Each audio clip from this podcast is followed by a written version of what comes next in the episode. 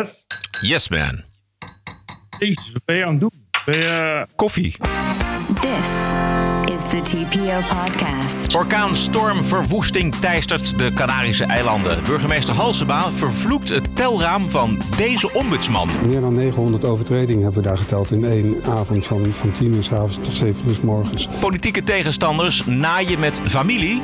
Britten zo goed als verlost van Verhofstadt. We all know that the only way out of this crisis is a new transfer of powers. En de bonusquote is van de Britse journalist Piers Morgan. hysterical liberal celebrities, as I put them, who scream all day.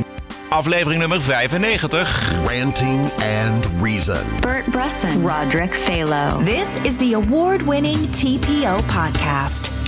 Het is eh, maandagavond 19 november. Beelden bereiken ons van hoge golven die balkons van appartementen afslaan op Tenerife. Orkaan Carlos houdt huis op de Canarische eilanden. En het laatste nieuws uit eerste hand van Bert. Bert, kom er maar in.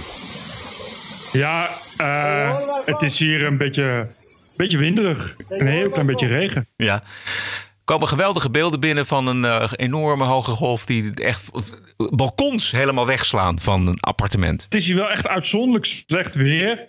Dus ook volgens mij bijna op alle eilanden. Eh, en het heeft gewoon heel veel geregend de afgelopen tijd. Wat eh, voor de Canarische eilanden natuurlijk eh, nogal uitzonderlijk is. Maar eigenlijk was het vandaag weer mooi weer. Dus, maar ja, Tenerife is daar de zuidkust. Dus daar, als, het, als het stormt, kan het daar enorm spoken. Maar die hotels staan volgens mij ook echt heel dicht op de kust. Ja. Dat is inderdaad al- op de beelden te zien. Maar nou maken wij al een tijdje grappen over het feit dat jij naar de Canarische eilanden gevlucht bent. Onder andere vanwege het weer, als dat niet de hoofdmoot is geweest. En nou, nou, nou Ja. word je al maanden geteisterd door dat klote weer. Ja, het is nog altijd minder erg dan in Nederland. Het is wel gewoon warm. Ja, het is gewoon twi- 20 graden. Maar die regen is wel uitzonderlijk in elk geval. Dat is wel, wel dat is gewoon met mij meegegaan. Het zou gewoon goed kunnen dat, dat het gewoon blijft, zolang als ik hier woon. Eh, dit is natuurlijk een opmaat naar een fantastische zomer die bij jou al ergens in februari begint. En dan eh, helemaal doorgaat tot, eh, tot november volgend jaar.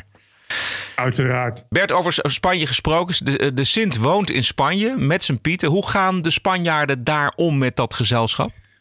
Die zijn elk jaar blij als ze met pakjesboot 12 eh, de zee op zijn gegaan. Is toch, dit is het jaarlijkse Sinterklaas afscheidsfeest. Wordt hier breed gevierd. Dat is toch echt zijn ze heel blij. Dat Is ze het een uitzwaaifeest?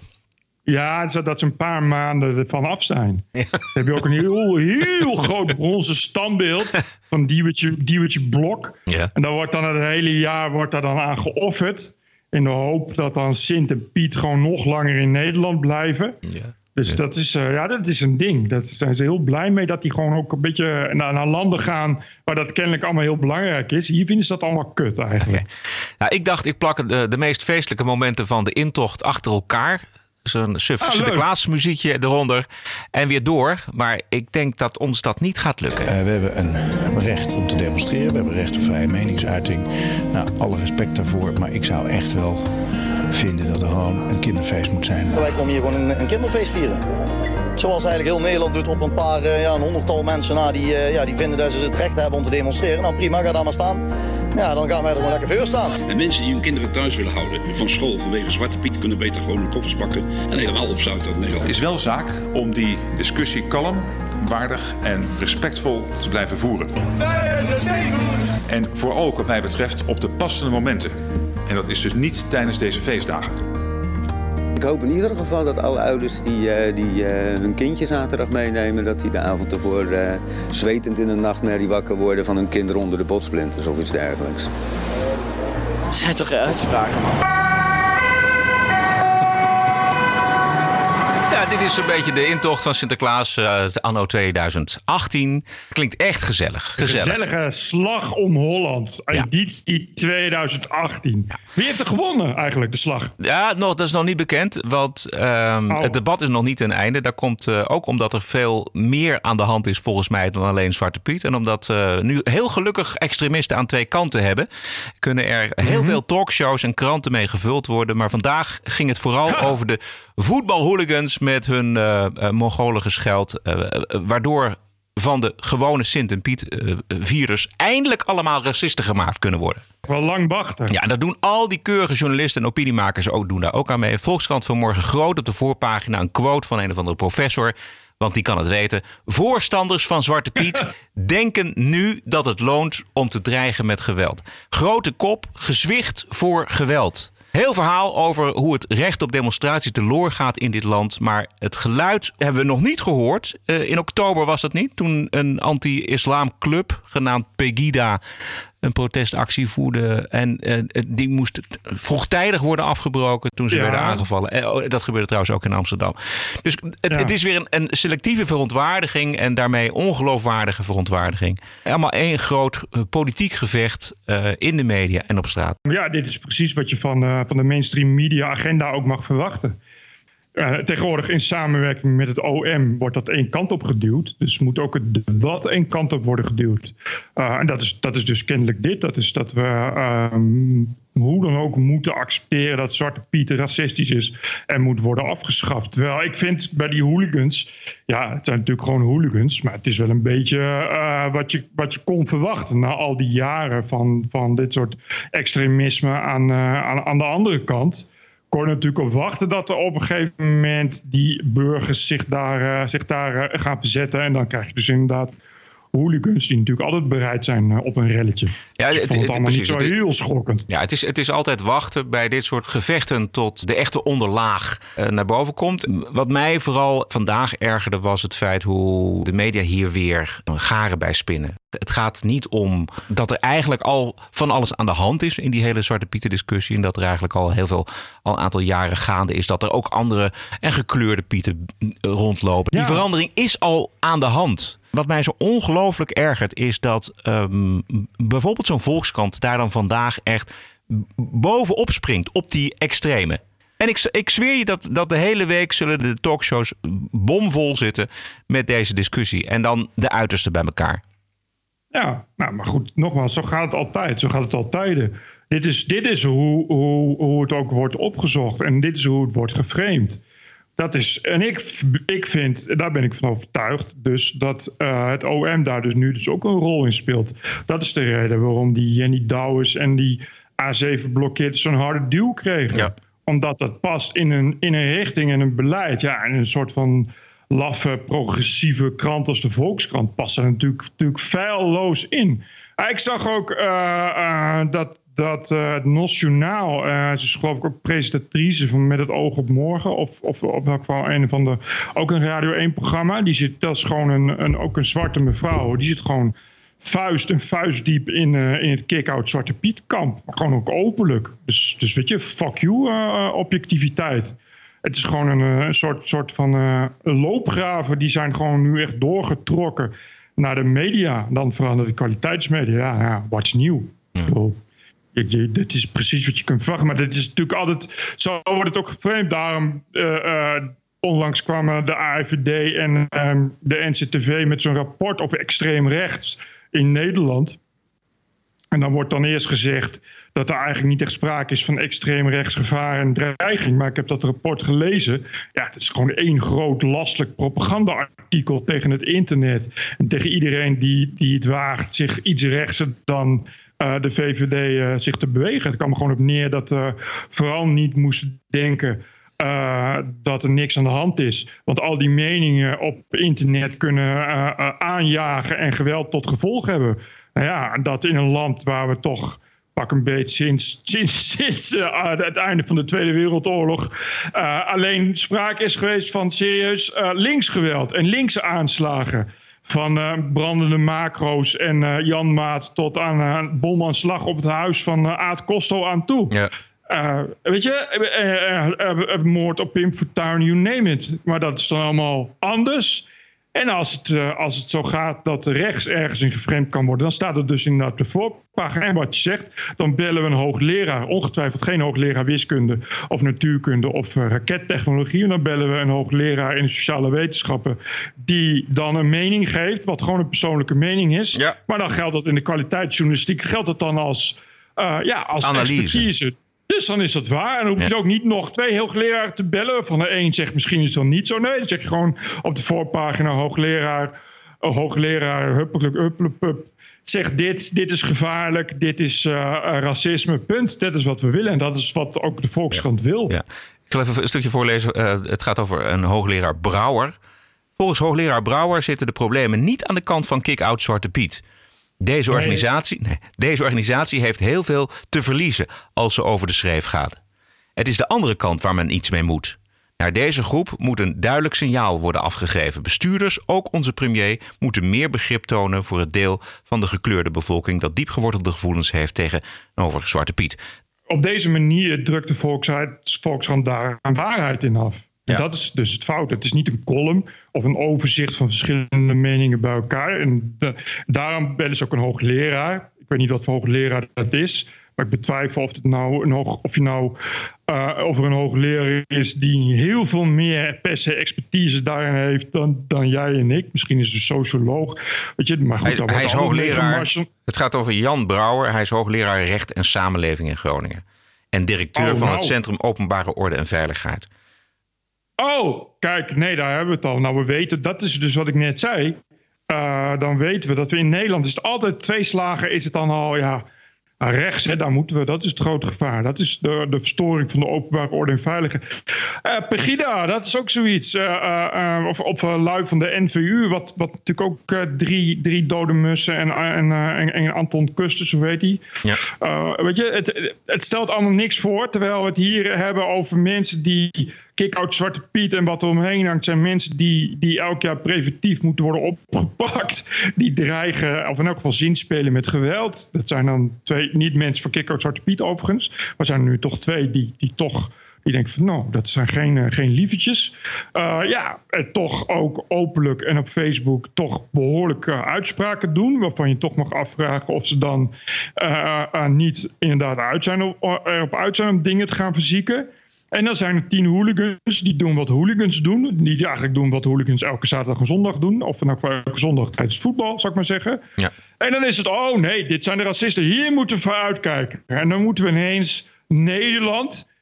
Nederland kennelijk moet dan luisteren naar de gevoeligheden voor die mensen. Nou, dat zijn dus de hele tijd twaalf mensen. Ze hadden niet eens genoeg mensen om te gaan demonstreren in alle 18 plaatsen die uh, ze hadden gedreigd. Dat ze zouden gaan demonstreren. Nee, die, die hooligans het was eigenlijk een cadeautje. Want daarmee kun je uiteindelijk uh, ja, die discussie uh, een, een, flinke zet geven in de richting van uh, jongens, we stoppen met Zwarte Piet. En misschien moeten we maar helemaal met Sinterklaas en Zwarte Piet stoppen. Maar dit is echt ideaal ook. Ook inderdaad, protesterende hooligans is gewoon precies als bij, uh, bij AZC's, noem maar op. Dit is het ideale klootjesvolk waar, waar, de, waar de NPO en de Volkskrant en de NRC heerlijk overheen kan kotsen. Dat is precies wat je wil. Weet je, dus dit zijn de, de gevaarlijke, agressieve mensen. Zie je wel, de wilde stemmen. Weet je, dat, ja. dat is hoe het gaat. Dat is hoe het gaat. Wel, ja, kijk, weet je, ik vind echt het is, het is elke keer weer treiteren, treiteren, treiteren, treiteren, treiteren door, door die anti-zwarte pieten. En je kan niet verwachten dat de mensen de hele tijd stil gaan zitten. Dat hebben we dus gezien bij die A7-blokkades. Um, ondertussen mochten kick-out Zwarte Piet activisten ergens uh, ver weg uh, demonstreren. In, volgens mij in de buurt van Rotterdam was dat. Er was wel een camera bij, maar je staat natuurlijk niet echt aan de frontlinie. Het volgende wil ik meedelen. Wij zijn onder valse voorwendsel zijn we hier terechtgekomen. Want één van die dingen dat belangrijk is als je gaat protesteren, je moet zichtbaar zijn onder valse voorwendsel dat ons werd verteld. Het zou druk zijn en noem maar op en zo. Maar wij staan hier gewoon op een zaterdagmiddag en, en uh, zondagmiddag. Ja, zondagmiddag was het is verkeerde dag. dat is een grappige verspreking. Maar goed. Het gaat niet alleen om Zwarte Piet. Ik zag van de week een heel geinig Twitter-draadje. Stuurde iemand me door. Uh, dat waren uh, UvA-docenten. Die waren boos op uh, Rob Wijnberg van de correspondent. Ja. Omdat de correspondent, wat toch, toch geen rechts, rechtsmedium is, nee. zal ik maar zeggen een, een debat organiseert in de Bali. En in de Bali zijn ze anti-islam of zoiets. Dus de Bali is fout. En iedereen die dus iets in de Bali gaat doen, dat is ook een fascist. Dus die mensen die zeiden openlijk dat ze de correspondent niet inclusief genoeg vonden. En die gingen hun abonnement opzeggen en namen een abonnement op One World. oh ja, joh. Dus, dat is, maar dat is dus hoe het voor staat. Zo erg, zo erg is het dus. Uh. Dat, dat je dus Dat je dus zegt van ja, jullie zijn nu niet meer inclusief. Terwijl, fuck you, de correspondent. die, die, dat is een soort. Bedoel, die Rob Wijnberg twittert ook van. Nee, we hebben juist allemaal, allemaal, allemaal gebalanceerd. En mensen van kleur aangenomen. Dat is allemaal heel keurig. Maar ja, die gaan naar de balie. De balie is fout. De balie is fascisme. Weet je wel, dat idee. Ik zoek even op wie. Ja, ik weet weer wie het, om wie het ging. Maar ik zoek even op hoe, uh, hoe ze heet. Ik kan het. Ze heet uh, Miriam Namazi. En zij komt in de Bali en zij spreekt daar over de islam en over de positie van vrouwen binnen de islam. En uh, daar vindt de Universiteit van Amsterdam dus iets van dat dat niet kan. Ja, dat mag niet. Dat mag niet. Dat Bali is fascisme. Dat mag niet. Goed. Uh, zometeen hebben wij het uh, ook nog uitgebreid over Amerika natuurlijk, zoals iedere aflevering. TPO Podcast. En eerst gaan wij naar Amsterdam toe, want de Amsterdamse burgemeester Femke Halsema van GroenLinks die is boos op de gemeentelijke ombudsman Arre Zuurmond. Die heeft namelijk gezegd dat de binnenstad van Amsterdam een wetteloze jungle is, waar niet meer wordt gehandhaafd. Nou, die werkelijkheid die schoot eh, bij burgemeester Femke in het verkeerde keelgat en zij pakte de telefoon om de ombudsman een uitbrander te geven. Ik heb hem verteld en gezegd dat hij misschien eens in Somalië moet gaan kijken. Al dus Femke Halsema. Wat? Ja. Serieus? Nou, waarschuwt. Ja, precies. Ja. Dit, serieus? Heeft ze dat echt gezegd? Ja, dat heeft ze echt gezegd. Ja. Dat meen je niet. Ja. Jezus. Over wettelo wet- precies, Soma- wetteloosheid, dat is Somalië. Ja, zo kan ik er nog nou, Ja, nou ja. Oh, Wauw, wauw, wauw, wauw. Deze, deze eh, ombudsman in Amsterdam die waarschuwt eh, niet voor het eerst. Want eh, toen Halsema nog helemaal geen burgemeester was van Amsterdam... logeerde Zuurhof al bij wijze van onderzoek een tijdje op het Leidseplein. U heeft een nachtje doorgebracht op het Leidseplein? Ja, bij een eh, inwoner van Amsterdam. Hoe was dat? Eh, we hebben geen oog dicht gedaan eh, en ik vond het onthutsend. De Amsterdamse ombudsman noemt het Leidseplein een ramp voor de stad. Pissende en kotsende mensen, dealers, geweldsincidenten en daar houdt het niet op. Wat ik zelf niet heb gezien, maar van mevrouw heb gehoord, is dat ze daar ook met enige regelmaat poepen. Dan klimmen ze over een hekje bij de kelderdeur. S'nachts rijden de taxis daar in een, een rondje. Het lijkt eigenlijk alsof er permanent een eh, voetbalstadion leegloopt. Eh, je kunt daar eigenlijk gewoon niet wonen. Buurtbewoner Pieter Belaerts heeft geen last meer van poepende toeristen. Hij liet namelijk zijn portiek naar voren schuiven om de overlast zelf maar op te lossen. De ombudsman heeft gesproken. Eindelijk, godzijdank. En als er nou eens een keer geluisterd wordt. Maar ik denk het niet. Ja, dat is een grote vraag natuurlijk. Wordt er geluisterd? Dit was 2016 en de man, eh, we hebben het over Zuurhof nog steeds, eh, die doet dat eh, veldwerk allemaal zelf. En hij dacht, na het Leidseplein moet ik dit jaar mijn oren eens even te luisteren leggen op de Amsterdamse Wallen. Er is dus nu weer een onderzoek gedaan. Er is met bewoners gesproken en men is met handhavers op pad geweest. Daarnaast zijn er ook opnames gemaakt. Bij één bewoner hebben we zelfs een tijdje drie camera's neergezet. En die beelden liegen er niet op. Tussen middernacht en 6 uur ochtends werd er zo'n 155 keer getoeterd. De oplossing is voor Zuurmond duidelijk. Meer van hetzelfde gaat niet werken. En je bent aan het dweilen en de kraan staat open, dan gaat een extra dweil niet helpen. Je moet anders leren handhaven. Je moet fundamenteel opnieuw nadenken over hoe gaan we dit nou oplossen. We moeten gebruik gaan maken van de technologie, stelt hij. Zo kun je bij taxis precies zien waar ze zijn geweest, of ze stil hebben gestaan en zelfs of er is getoeterd. Daar moeten chauffeurs op aangesproken worden. Wij volgen 24-7 waar u rijdt en waar u stopt. En waar u mensen oppikt en afzet. En als u dat op plekken doet die niet kloppen, dan, eh, dan heeft u een probleem. Eén ding is duidelijk, er moet iets veranderen. Meer dan 900 overtredingen hebben we daar geteld in één avond van, van 10 uur s avonds tot 7 uur s morgens. 900 overtredingen. Ik weet Eh, de beelden liegen niet. Het is dweilen met de kraan open. En de burgemeester van Amsterdam zegt: Nee, dit is een vervelende werkelijkheid. Daar wil ik niet aan. Ga maar eens in Somalië kijken. Ja, ik vind echt, ik heb nooit zoiets doms gehoord. Zelfs niet van een GroenLinks burgemeester Femke Halsema, waar je toch heel veel doms van mag verwachten. Als dit je reactie is, Eigenlijk is het schandalig. Zeker naar de bewoners van, van, die, van de binnenstad toe.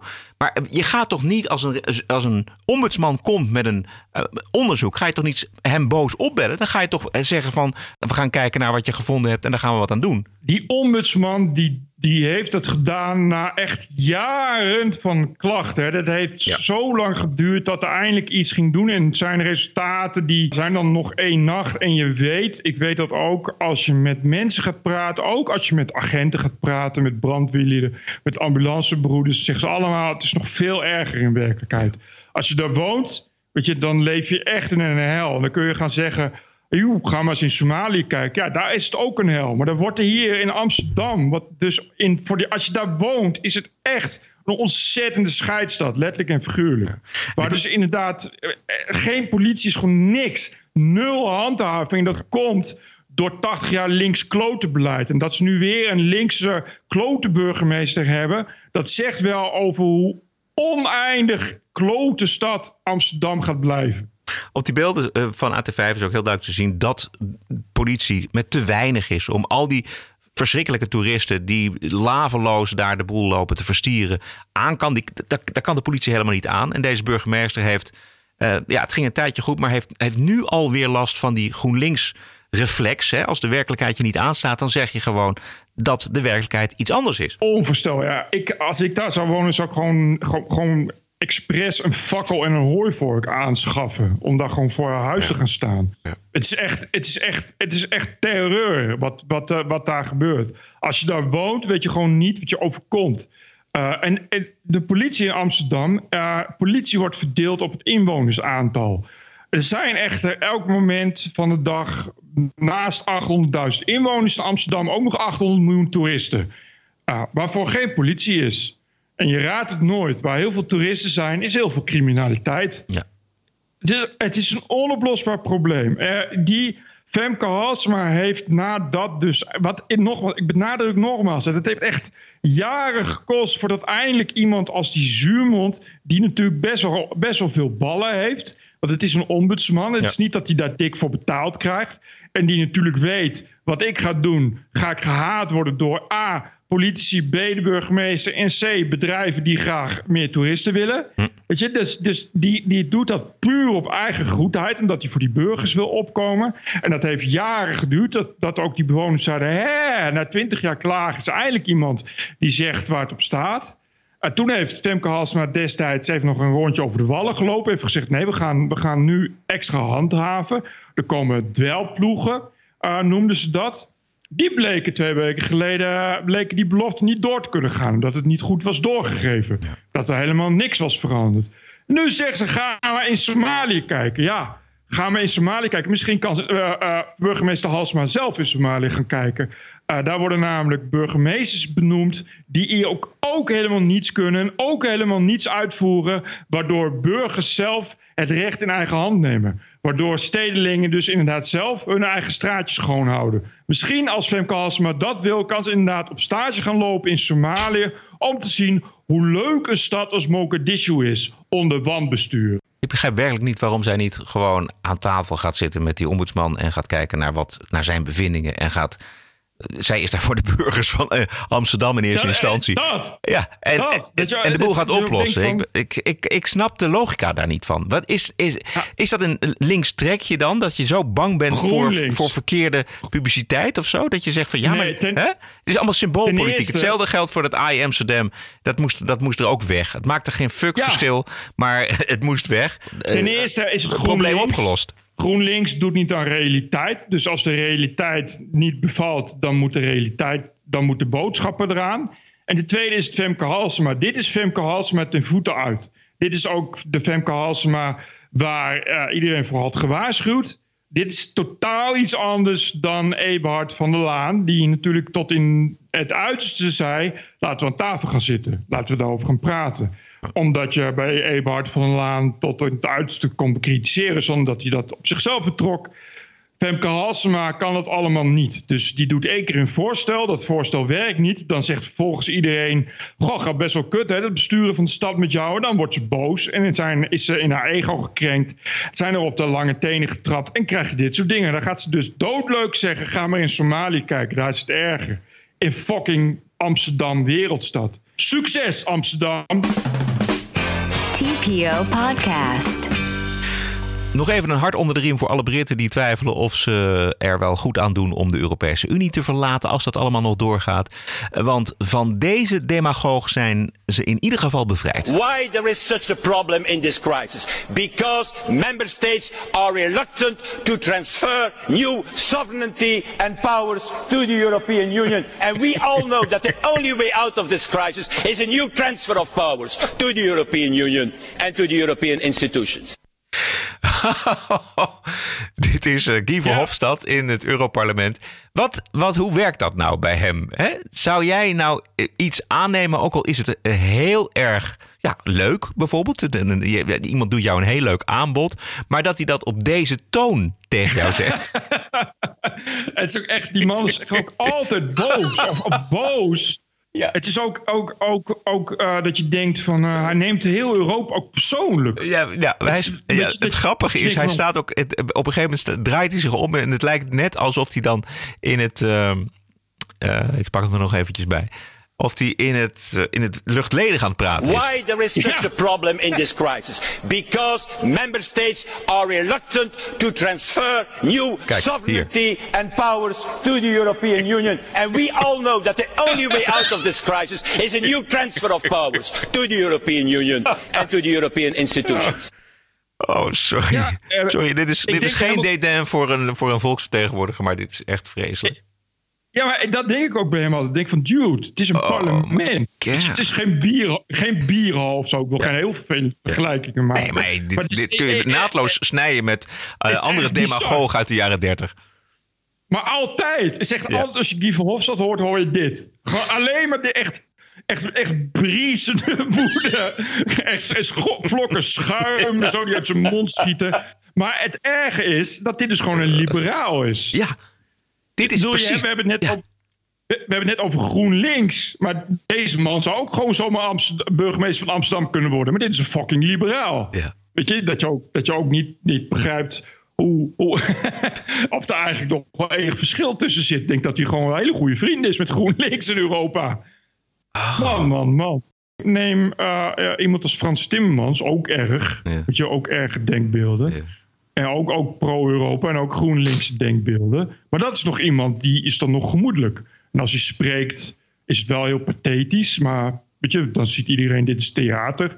Want dit is een, een parle parlement, dus daar maken mensen theater. Ja. Weet je, ja, en, maar dat is ook iemand die, die dan toch nog gemoedelijk in een kroeg in Heerlen gaat zitten. Ja. Terwijl je hier denk je echt van... Pff, oh, volgens mij als hij thuis, als hij thuis komt, dan is hij ook zo. Terwijl, dat, is- dat, dat, Ik zit bij het raam, doe mij een kopje thee.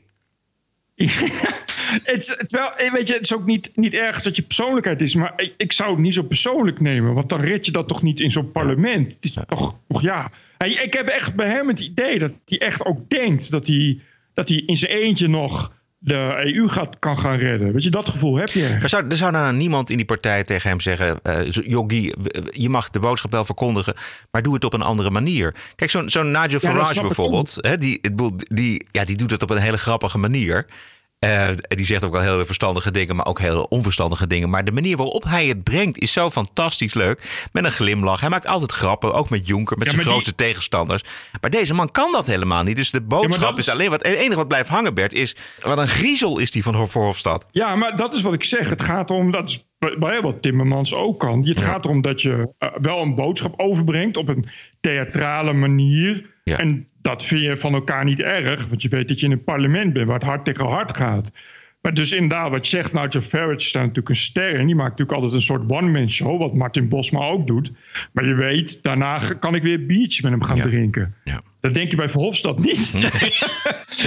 dus denk ik van nou, Wegwezen. ik laat hem even, even, even met rust voor de rest van de avond. Over die brexit gesproken, daar gaan we niet eh, inhoudelijk heel erg eh, diep op in. Maar ik zag wel een prachtig experiment op de Britse radiozender LBC. Eh, de ochtend nadat Ja. er een akkoord lag over de brexit... zat Theresa May aan tafel bij Nick Ferrari, bij LBC... dus om vragen van Britse burgers te beantwoorden. Leading Britain's conversation. LBC. Prime Minister Theresa May takes your calls. 0345 6060 973. This is LBC. Morning, Chip. Eight o'clock on Friday, November the 16th, and here in the studio with me, the Prime Minister. And we're taking your calls in just a moment. Prime Minister, I haven't seen you um, since the Conservative Party conference in Birmingham. You've been up to much? Just this and that, Nick, just this, and, just this and that. Before we go to the first call, um, when did you last hear from Michael Gove and what did he say? Ja, het is een ontzettend leuk gesprek. Ze zat daar volgens mij iets langer dan een half uur. En Theresa May die kreeg eh, complimenten, eh, maar ze kreeg er ook behoorlijk van langs. Final call goes to John in Gillingham. John, you're on the radio. What are you going to say? Thank you, Nick. Good morning, Prime Minister. Good morning, I John. Just wanted to, thank you. I just wanted to ask you: Do you consider yourself the modern-day Chamberlain, who also went to Europe and negotiated with a foreign power and came back as having appeased that foreign power and having not stood up for our country? And, and I would like you to stand up for our country and stand up for what's best for our country. And appeasing a foreign power and locking us in forever is not doing that. From sport, John- so final question, a bit of history. Bit of history. Prime Minister. Look, John, no, I don't. And, and the reason is this we're not going to be locked in forever to something that we don't want. What we're doing is negotiating a deal that means that we can take back control of our borders. Free movement will end once and for all. That we take back control of our money. We won't be sending vast sums of money to the EU every year. We take back control of our laws. We won't be under the jurisdiction of the European Court of Justice. We come out of some of the things that people have been really concerned about for years common agricultural policy, common fisheries policy. We're out of the customs union, out of the single market.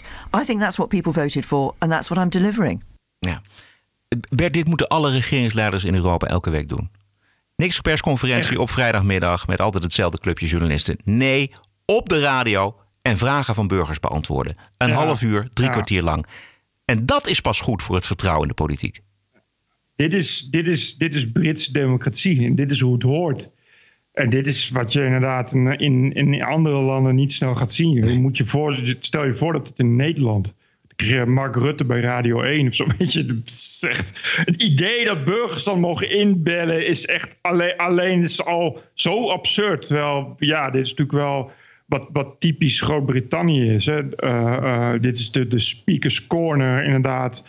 Uh, hoe dan ook, wat er ook gebeurt, altijd toch de gewone man die, die daar ja, aan de macht is. Ja, dat maar klopt. Ook, zo, zo fabuleus hoe mee dit doet. Ja, Weet je, dit, dit, dit, dat, dat zie je gewoon niet in andere landen. Vanavond Hoe- staat ze. hoe netjes. Nee, vana- vanavond staat ze in, voor een zaal met eh, ondernemers. Ja, zij doet het gewoon. Ik dacht van dit is zo goed. Eh, die Europese le- regeringsleiders die moeten dat, dat lef ook maar tonen. Dat gaan ze niet doen. Dit is iets voor, iets voor Guy Verhofstadt. Dat, je, dat je dan live mag inbellen met vervelende vragen. Dat lijkt me heel grappig. En een goede presentator En die, die, die de boel kort houdt, weet je wel. Die, die, die de, de vraag nog eens herhaalt. Die het antwoord afdwingt van, van de regeringsleiders, Mhm. van Rutte of van Mhm. May of van wie dan ook. Ja, dat is, dat is volgens mij is dat echt eh, het ei van Columbus als het gaat over vertrouwen in de politiek hoor. Als, als Rutte Ja, dit, dit ja. iedere dag zou doen of iedere week zou doen, in plaats van die saaie persconferentie met al die journalisten. Ja, maar goed, dit is natuurlijk wel typisch Brits. Ik, ik, dit, is, dit heeft ook te maken met cultuur. Dit is ook hoe mensen zijn grootgebracht, wat mensen gewend zijn. Ik bedoel, kijk naar het lagere huis en kijk naar de Tweede Kamer. Weet je, feel, feel the difference. Maar laten wij Weet dan wat van die eh, cultuur overnemen? Ik bedoel, we, we nemen ook Ja, andere, eens, ja, andere eens. dingen van andere culturen nemen we ook andere zaken over. Dus, dus dit kan ook volgens mij. maar ja. ja. We hebben al een stap richting het westen gezet. We gaan nog even door. The Rush 24 7 Podcast. Los Angeles.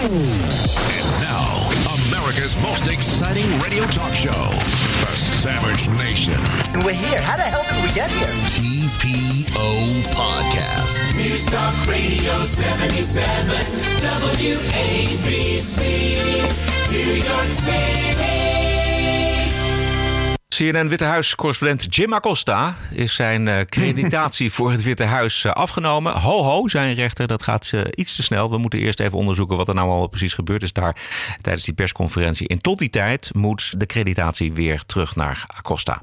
Dus dat feest dat gaat nog even door. Vrijdag is er volgens mij weer een persconferentie. En ik denk dat zijn eerste vraag aan de president zal zijn, Bert. Meneer de president, voelt u zich vernederd door de uitspraak van de Amerikaanse rechter dat ik hier nu weer voor u sta? Ja, ik denk dat eh, als hij er weer komt, dat Jim Acosta eh, er een hele grote Jim Acosta show van gaat bouwen. en, en inderdaad, inderdaad zijn, zijn winst zoveel mogelijk gaat uitventen ten koste van Trump en het Witte Huis. Die, die is inderdaad. Ja, dat zal de komende weken zal dat wel eh, lekker smeren worden. Het is vervelend hè, dat ik hier ben, meneer de president. Wilt u me er weer uitzetten, meneer de president? Kan niet, hè? Mag niet, hè? Nee. Jim Acosta was ook bij, natuurlijk bij de uitspraak van de rechter en kwam als een eh, eh, overwinnaar natuurlijk. Ja, heb je het gezien? Ja, echt geweldig. Loopt hij op die, op die collega's loopt hij af. En ja, jullie, jullie willen mij wat vragen misschien? Hij loopt eerst weg en dan ziet hij dat daar pers staat. En Oh, hij loopt niet naar die mensen toe. Hij schrijdt echt naar die mensen toe. Zo langzaam mogelijk. Zeg maar, borst vooruit, kin omhoog. En, oh, jullie, eh, jullie willen me zeker wat vragen. Dat, dat, dat. Ja, ja geweldig. Ehm, ik zag nog iets aardigs. Wacht, dan wil ik eventjes dat erbij pakken. TPO Podcast. Even wat anders. Ik word eh, altijd ongemakkelijk als er familieleden van politieke figuren aan het woord komen die mogen leeglopen over hoe erg ze de standpunten vinden van hun broer of hun zus of hun vader die de politiek is ingegaan. Eh, De broer van Geert Wilders, Paul Wilders, heeft een keer eh, tegenover die is RTL Nieuws. erg. Ja, die is heel erg. En RTL Nieuws heeft een keer zijn verhaal opgetekend. Aanleiding was dat hij zelf allerlei excuses twitterde over zijn broer Geert. Ehm, ja, ik, en, en om, naar, om dan zo'n man te interviewen. eh, Zo ongelooflijk eenzijdig verhaal wordt het. Nou, bij Vice kunnen ze er ook wat van en gaan er nog twee tandjes bij. Vice vond in Amerika twee broers van de Republikeinse politicus Paul Gosar. En één broer van Fox-host Laura Ingram. Is geen politica, maar een rechtse opiniemaker op Fox. Ja. En je begrijpt het, rechts-Amerika splijt niet alleen de Amerikaanse samenleving, maar maakt ook families kapot. A lot of people have, you know, political conflicts within their families. There's this cliche of the drunk uncle who spouts off at Thanksgiving dinner. But for you guys, that relative doesn't go away. They're out there in the world making choices that, in your view, make the world a worse place. What is that like? We're not having Thanksgiving dinner together. We're not having Christmas dinner together because this is real. Um, his hurt uh, towards people that need help is real. Are, are you are you supposed to stand by your family no matter what they do? You know, hey Paul, let's agree to disagree about taking babies from their parents at the borders. Um, someone asked me, Is that really your sister? Is she just playing a media personality? And I think it is who she has become. She said that letting immigrants in might change or dilute our national experience, our American way of life. And I thought, hypocrite.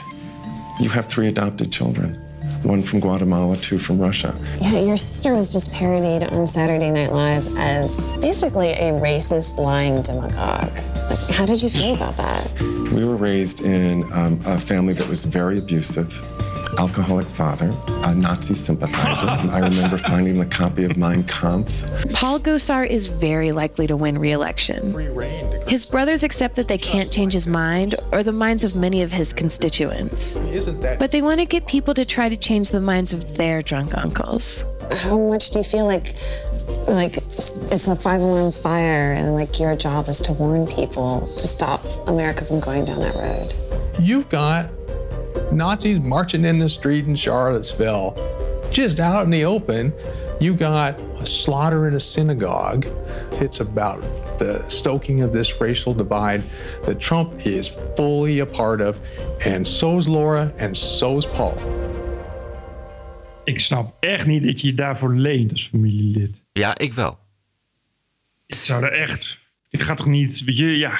Maar het, het- je gaat het toch niet... Ja, maar er zijn, er zijn dus veel familieleden die dit. Het aantal van die familieleden van die Gozo, die hebben ook een spotje opgenomen om te waarschuwen tegen hun eigen broer. Moet je nagaan. Oh man. Ja, dus dat is, dat, is, dat is het ene mes. En dan daarna komt er nog een ander mes van een quasi-journalistieke organisatie als Vice. Hè? Ja, het is heel vies. Dit is hoor. zo'n Die, eh, die- vieze insteek. Ja, maar dat die mensen. Ik kan me dan niet... voor- Als mijn zus eh, eh, nou GroenLinks minister is of zo, weet ik veel wat.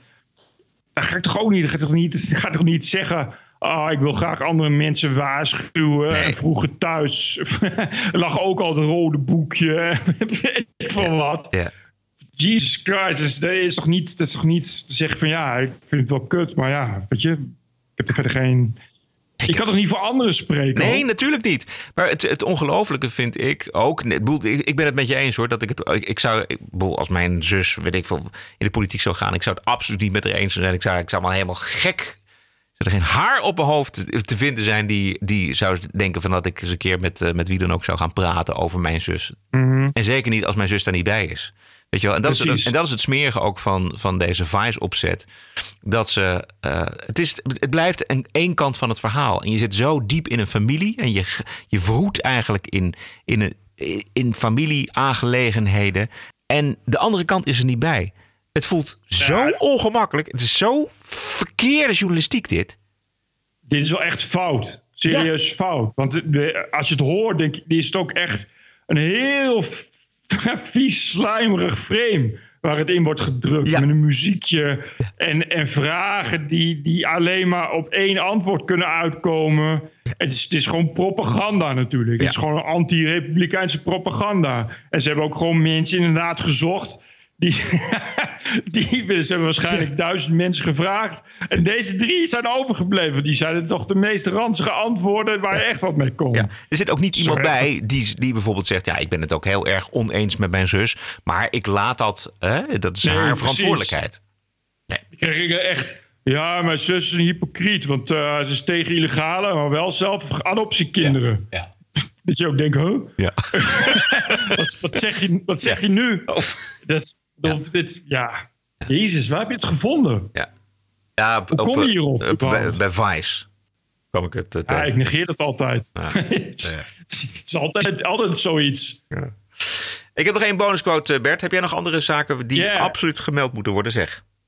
Eh, nee, nee hoor, Oh. nee, nee, nee. nee. Oké. Nou, de bonuscode is van de Britse journalist Piers Morgan. Hij heeft eh, bij CNN gewerkt, onder andere. Hij heeft een column in de Daily Mail, dacht ik. En hij zat bij Fox om de mainstream media en die verschrikkelijke hysterische Hollywood celebs eens flink de oren te wassen. hysterical liberal celebrities, as I put them, who dominate on social media and just scream all day, whether it's anti Brexit or anti Trump.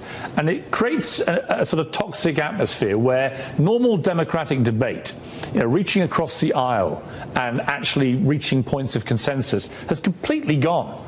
And now you either hate Trump or you love Trump, but what you're not allowed to do is to be kind of, well, I, I like this and I don't like this, which is what used to happen in politics. At some stage, you've got to look at Donald Trump.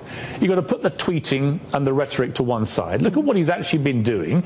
Give him credit where he deserves it. I've written about 45 columns for DailyMail.com about Trump. About- About half the columns have been critical, half have been supportive. And I really do believe that that is a fairer representation than everything's rosy in the Trump garden or everything he does is terrible. But, you know, you try and, and play the fair, you know, sort of slightly bipartisan role on Donald Trump and people go nuts on both sides. Ja, hij heeft gelijk. Ja. Ja, hij is heel scherp. En, en inderdaad, ja, dus, dus weer dat typische Britse waar we het over hadden. Dus echt, echt, echt eh, kwaliteit. Maar dus gewoon geloven in debat. En geloven in democratie. En inderdaad, wat hij zegt, de helft van mijn columns bekritiseer ik Trump. Maar goed, de andere helft eh, eh, ben ik het met Trump eens. Dit is, dit is ook weer een beetje zoals, zoals het waar we mee begonnen. Namelijk, mensen hebben enorm de behoefte om mensen in te delen in kampen. Eddie Terstal die twitterde dat vandaag ook weer. Weet je, het- je kunt niet individueel een mening hebben, want je moet in een kamp. Nee, het is- Anti-Pieterkamp. het is heel vermoeiend. Pro-Pieterkamp. Eh, ja, het is ongelooflijk vermoeiend. En je wordt er ook, ook steeds banger van, omdat je gewoon niet meer. Weet je, je wil gewoon ook niet meer je mening uiten. Dat je weet van ja, dan moet ik weer verantwoorden. En dan Precies. kom ik weer in een kamp terecht. Ja. Dit was aflevering nummer 95. Vindt u dit een leuk geluid of een belangrijk geluid? Steun ons dan met een donatie. Dat helpt ons en de podcast en uiteindelijk natuurlijk uzelf ook weer. Ga naar tpo.nl slash podcast en daar vindt u de mogelijkheid om iets te doneren. Bert, wij zijn terug eh, dinsdag de 27e, 27 november. Bijna kerst. Bijna kerst.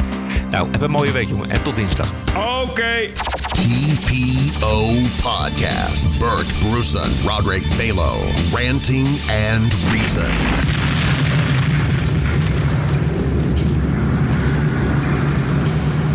Is dit een discussie waarvan je vindt, daar moet de politiek zich wel of niet mee bemoeien? of Daar moet daar... de politiek niks mee, omdat niemand met deze discussie tot op heden iets gewonnen heeft. Het heeft alleen maar geleid tot polarisatie en onaangename situaties. En ik moet zeggen, ik, ik ben het met Rutte eens dat ik heb evenzeer de pest aan de ene club als aan de andere club. Ik vind dat ze allebei eigenlijk discussiëren ja, zonder, zonder de, de reële feiten behoorlijk onder ogen te zien. Als er vrij duidelijk is dat er via die roetveegpiet een soort compromis mogelijk is op dit terrein... dan moet je niet ook het compromis in feite afwijzen als zijnde racistisch. Want dat is het niet. Die zwarte piet die dateert, die, wat was er, een, een schoorsteenveger uit Duitsland. Het heeft geen koloniale wortels. Dat het misschien later een beetje qua kleding en uitrusting wat uit de hand gelopen is, is vers 2. Maar dat waren geen koloniale wortels. TPO Podcast. The award winning TPO podcast can be heard on the No Agenda stream at noagendastream.com.